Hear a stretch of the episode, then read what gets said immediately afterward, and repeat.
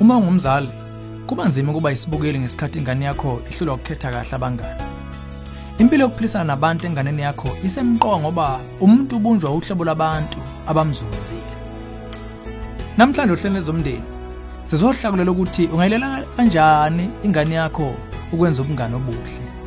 Hlala nathi.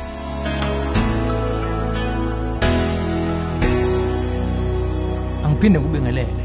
Ezomndeni, uhlelo lwakhe lokulethela izeluleko eziphatheka ngabaka focus on the family.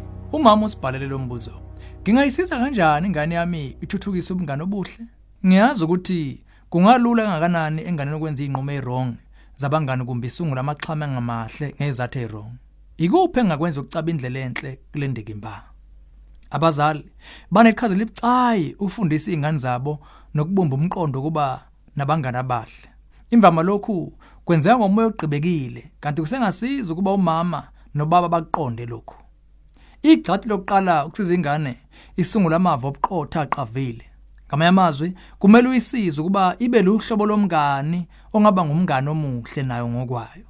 Ukuba isibungu lobuqotho ungavikela ingane yakho emjunjwini oba umphumela okukhetha kabi ohamba nabo. Nanka amava asemqoka ongawakhanda kwinkambiso yengane yakho. Okokuqala, ukuthembeka. Ingane ekhonza iqiniso mancane amathuba kuba ngumngane nengane iqamba amanga. Thembela. Ingane ethembekile mancane amathuba kuba yife lingenamvula. Ukwazi ukuthenjelwa kuwe kwenza sikwazi ukuma nabangane ezikhathini zeinkinga. Isihe ingane enesikhala sokubona nokuthakasela inhliziyo zabanye ziyakwazi ukuveza ukuzwelana nalabo abasey'inkingeni zobuhlungu nabaswele. Ukuhlonipha.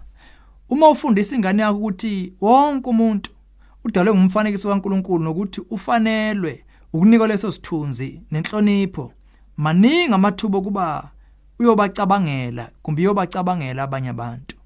Okugcina, kwemukeleka.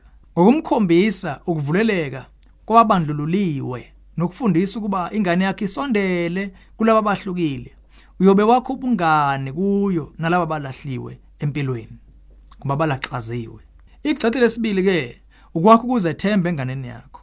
Lokhu kukhiye kwazini ukukhanda ubungane obunenqubela phambili empilweni. Okunye ukuthi ukuzethemba kuyomenza khethe kahle azophila nabo impilo isaqala nje. Ungakwakho ukuzethemba enganeni yakho ngokuyincoma uma yenze kahle. Ukuhamba nayo mhlambe nisathi shwi ezitolo bese uyazise uyathakasela ubukhona bayo. Ungaphinde futhi ufake uyifundisa ukuhlangana nabantu abasha. Ngokuyilekelela ingene kwezemidlalo kungaba na umculo njalo njalo. Ungaphinde ugqugquzela ubungani ngokukhuthaza abangani beze kwizidle ezisemqoka zomndeni. Okwesithathu kufundisa ingane yakho ukuvuleleka nokumukela abanye abantu. Ukuba unkunzi idla yodwana kuyinqole kubeka ekushodelweni ubudlelana nobungani beqiniso.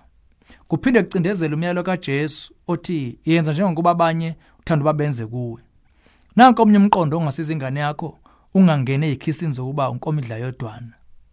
Yenza imeme umuntu engakazi imeme uma isukune birthday party yayo. Thuntubeza umoya ukuba kungqoshishilizi kuyo yonke into. Funda incwadi ezikhombisa ukuthi wonke umuntu unenani nokuthi wehlukile ngokwakhe futhi unezinto ezikhethekile angazenza emhlabeni. Cela ingane yakho iyodlala noclassmate obhorekile uma kusekwe ibreak esikoleni. Siza ingane yakho ungene ezintweni ezikhuthaza i-teamwork. Fundisa ingane yakho ukufinyelela kwabaswelayo nabahlwempu. Mumva nje ingane zethu seyifunda ukukhetha abangani ngenxa yezimpumelelo zabo. Okusengabe ezemidlalo bukeka nempumelo ngezinga nje lakhe lowo muntu. Lokho kuumqondo omncane nokuthunaza abanye abantu empilweni. Sidinga ukuzenza izingane zethu ziwazi qede ziyigweme leyo mqondo ndlela zonke esingenza ngazo ngoba abantu abakaNkuluNkulu bayafana bonke. Lolu hlelo ezomndeni. Ulethulelwe yifocus on the family sihlangabezwa hlelo luzayo sesihlabelisa phambili umndeni.